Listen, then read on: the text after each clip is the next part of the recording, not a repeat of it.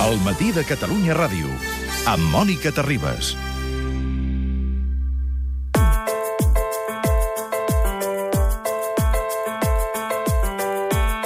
No és un dels racons més visitats de Manhattan, però al carrer 44, a prop de la sisena avinguda, qualsevol vianant veurà penjant un curiós rellotge amb una xifra que no para d'augmentar. Què és aquest rellotge? És el rellotge instal·lat per un empresari immobiliari que el 1989 i, reflecteix en realitat a temps real el deute públic dels Estats Units i la part que hauria d'assumir cada família. Aquest rellotge no para mai. De fet, l'any 2008 van haver de canviar-lo perquè li faltaven dígits. En tenia 13, en necessitava 14. Ara indica que va camí dels 18 bilions de dòlars. A l'estat espanyol, si hi hagués un rellotge similar, des d'aquest trimestre també necessitaria un dígit més perquè el deute públic espanyol supera ja el bilió d'euros. Avui, a l'informe Sala Martín, parlem de deute públic. Bon dia, senyor Sala Martín. Hola, molt bon dia, com anem? Molt bé. Professor, a veure, fem una mica de pedagogia, perquè alguna vegada la temporada passada en vam parlar, eh, perquè la gent se situï ràpidament què és el deute públic i per què sempre es posa en relació al PIB del país. A veure, primera pregunta, què és el deute públic? El deute públic és el deute que té el govern d'un estat. Eh? Igual que les famílies eh, que gasten més del que ingressen, doncs eh, demanen un crèdit. Sí. Igual que les empreses que gasten més del que ingressen demanen un crèdit, doncs els governs que gasten més del que ingressen doncs demanen un crèdit. El crèdit aquest s'anomena eh, deute públic. Eh? Eh, per tant, són uns paperets eh, que Sí. té, tenen els bancs i tal, uns paperets que emet el govern, que diu eh, tu a mi em dones 1.000 euros, eh, i jo, eh, no, em dones, em prestes 1.000 Sí. euros, eh, jo els faig servir 1.000 euros, a canvi jo et dono un paperet, que és el que s'anomena el deute públic, que diu, aquest paperet, que jo et aniré pagant interessos durant un temps, per exemple, 10 anys, si és un, un deute de 10 anys, eh, i al final d'aquest període, és a dir, d'aquí 10 anys, jo et tornaré aquests 1.000 euros. Mhm. Eh? Per tant, cobraràs interessos i al final et tornaré els calés. És es- un crèdit que fa l'economia, eh? Mhm. els bancs o la gent o qui sigui que compra aquest paperet, en el sector públic perquè el sector públic pugui gastar més enllà del que ingressa amb els impostos. Bueno, la segona pregunta mm. és per què eh, es posa en relació al PIB. Aquesta, aquesta és més és, és, és una pregunta bona que té di- difícil resposta, perquè jo crec que és un error posar-ho en relació al PIB. A veure, els deutes són grans o són petits en relació, només en relació a la, capita, a la capacitat de pagar. Eh? Si jo tinc un deute de 10 milions, jo, Xavier Sala Martín, tingués un deute de 10 milions d'euros, mm. doncs seria una, impossible de pagar per mi, perquè donat el meu salari, mm, encara que dediqui tots els meus diners a tornar-lo, no podria.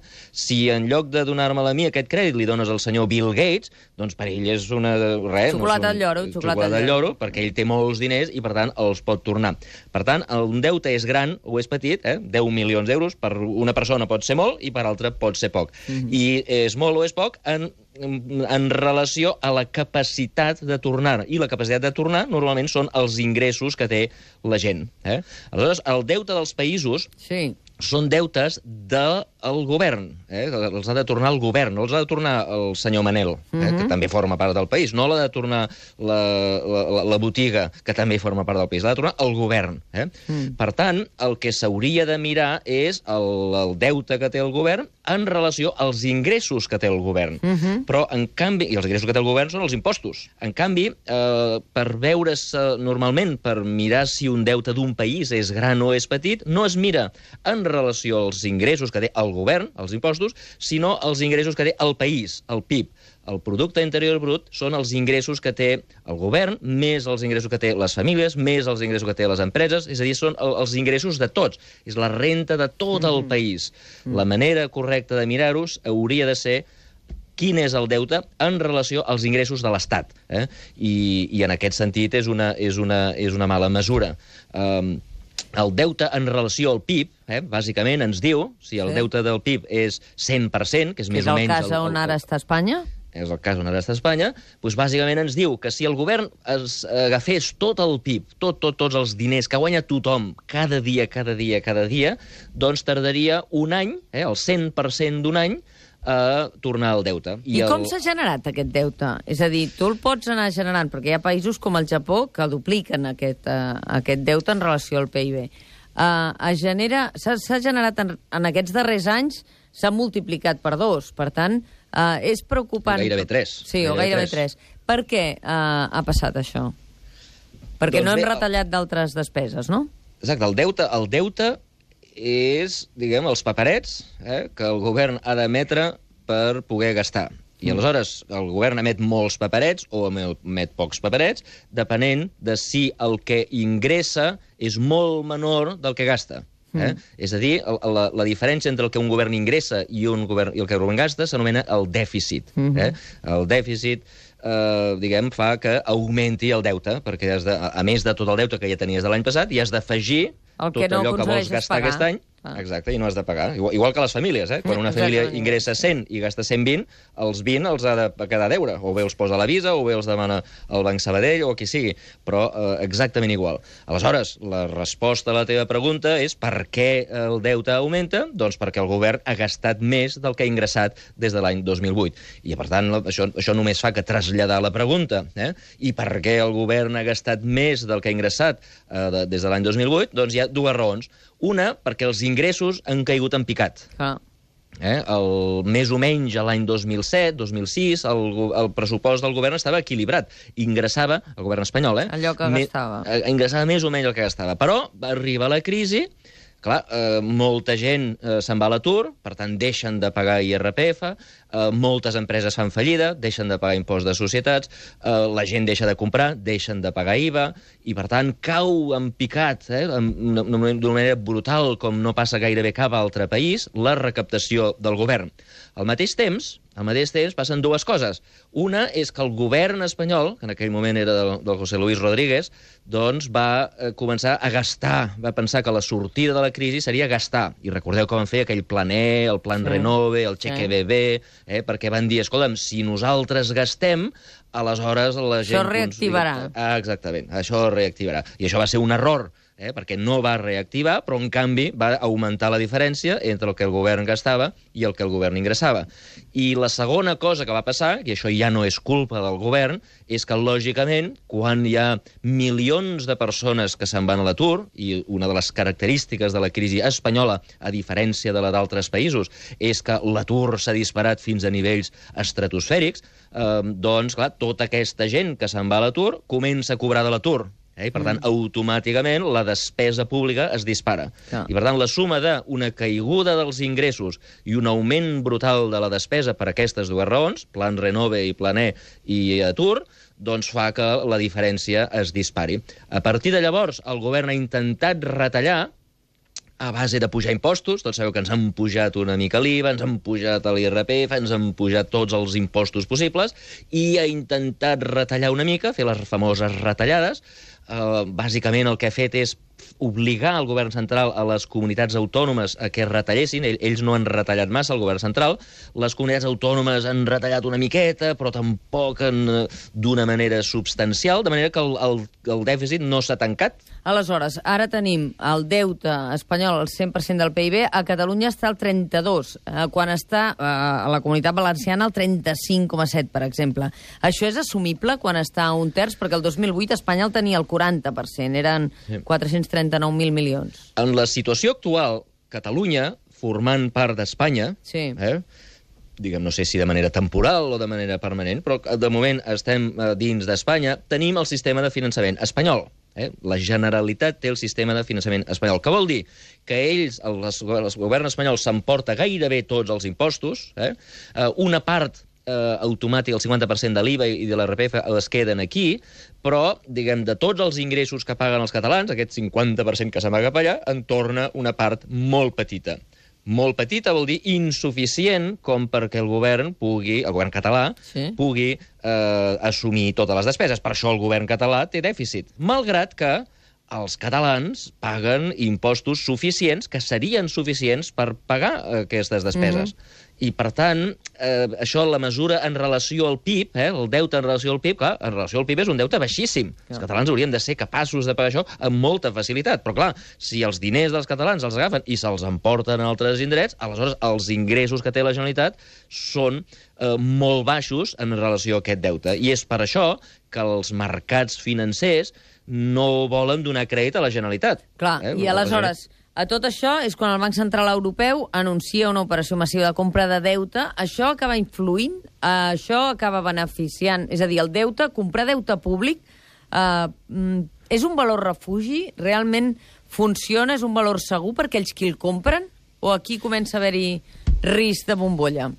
A veure, durant molts anys s'ha pensat que el deute públic era, era un valor refugi eh, sobretot el deute públic de països seriosos, eh, Mm. com eh, Estats Units... Que sempre o com... pagaran, un dia o altre Exacte, pagaran. Exacte. Estats Units o Alemanya són Sí. països que sempre acaben pagant i, per tant, quan tu no vols eh, perdre calés, doncs vas i compres deute americà o deute alemany, perquè fins ara sempre han pagat. Hi ha altres països menys seriosos, eh? per exemple, Argentina darrerament, tots sabeu que l'altre dia vam parlar dels fons voltor, recordeu? sí. Doncs, el, doncs els eh, argentins molt sovint diuen doncs ara no paguem el deutes i, per tant, si tu compres deute públic d'un país no seriós, doncs tens la possibilitat de no recuperar els calés. Recordeu, el deute és un paperet que et diu durant 10 anys jo et pagaré interessos i al final et tornaré els calés. Eh? Hi ha països que en meitat, en meitat d'aquest procés, eh, a l'any número 5, eh, diuen, ostres, no podem pagar interessos. Això és el que va passar amb Grècia, recordeu, fa un parell Mhm. d'anys.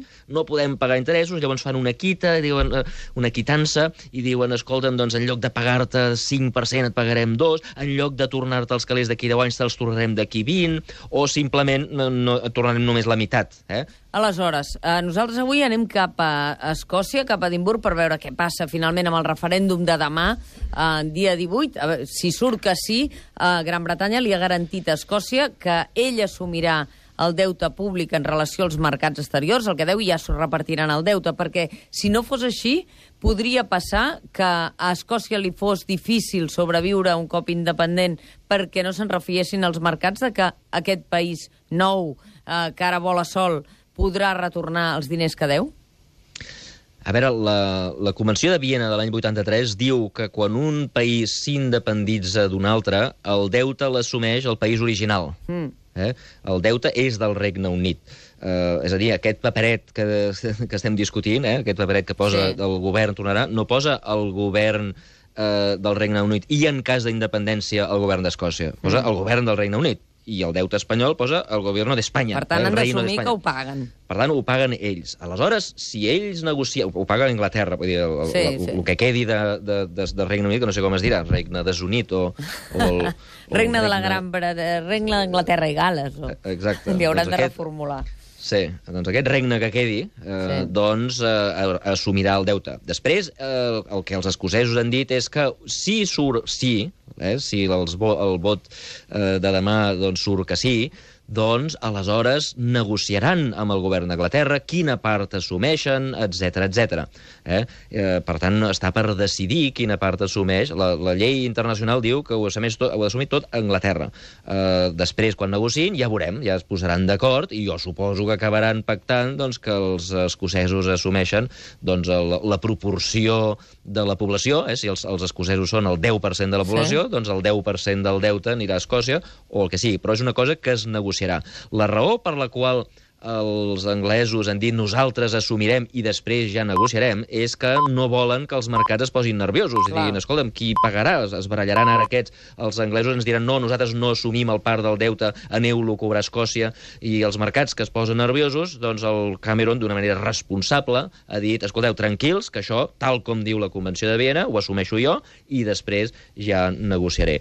Um, de totes maneres, Uh, hem de tots tenir en compte que quan hi ha incerteses els mercats sempre es posen nerviosos. Clar. Eh? El per que tant, no vol passaria dir... en qualsevol cas. Aquest nerviosisme hi Exacte. és sempre que hi ha una situació exacte, d'aquestes. exacte, hi haurà nerviosisme a Holanda quan el govern està a punt de canviar i la, la, la, la, la gent no sap si el nou govern serà molt bo o serà molt dolent. Sempre hi ha qualsevol incertesa, els mercats es posen nerviosos. El que això no vol dir és que els escocesos o els catalans no hagin de prendre les decisions que creguin convenients simplement per eh, calmar els mercats. Clar. El nervi dels mercats durarà tres dies, i aquí estan prenent una decisió molt important que ha de durar segles. Eh? No poden prendre aquesta decisió dient, escolta, més que si no la setmana que ve baixarà la borsa. Bueno, si baixa la borsa ja pujarà d'aquí dues setmanes. Eh? La, la borsa a la llarga pujarà si tu fas les coses bé. Mm -hmm. Si els escocesos prenen decisions eh, correctes que fan que el seu país sigui competitiu, doncs la borsa acabarà pujant i el deute acabarà sent normal i tot anirà bé. Si prenen decisions equivocades, doncs eh, anirà malament. Eh? Això a vegades ja ho dic en, envers Catalunya. Si acabem prenent les decisions eh, que ens portin a ser com Suïssa, serem com Suïssa. Però si prenem les decisions eh, que ens porten les mateixes decisions que Portugal, serem com Portugal. I Portugal és molt més pobre que, que, que Espanya. Eh? Professor Elai Martín, doncs ho explicarem des d'Edimburg demà i demà passat. Bon viatge i ja us escoltarem. Gràcies, adeu. Adéu-siau. El matí de Catalunya Ràdio, amb Mònica Terribas.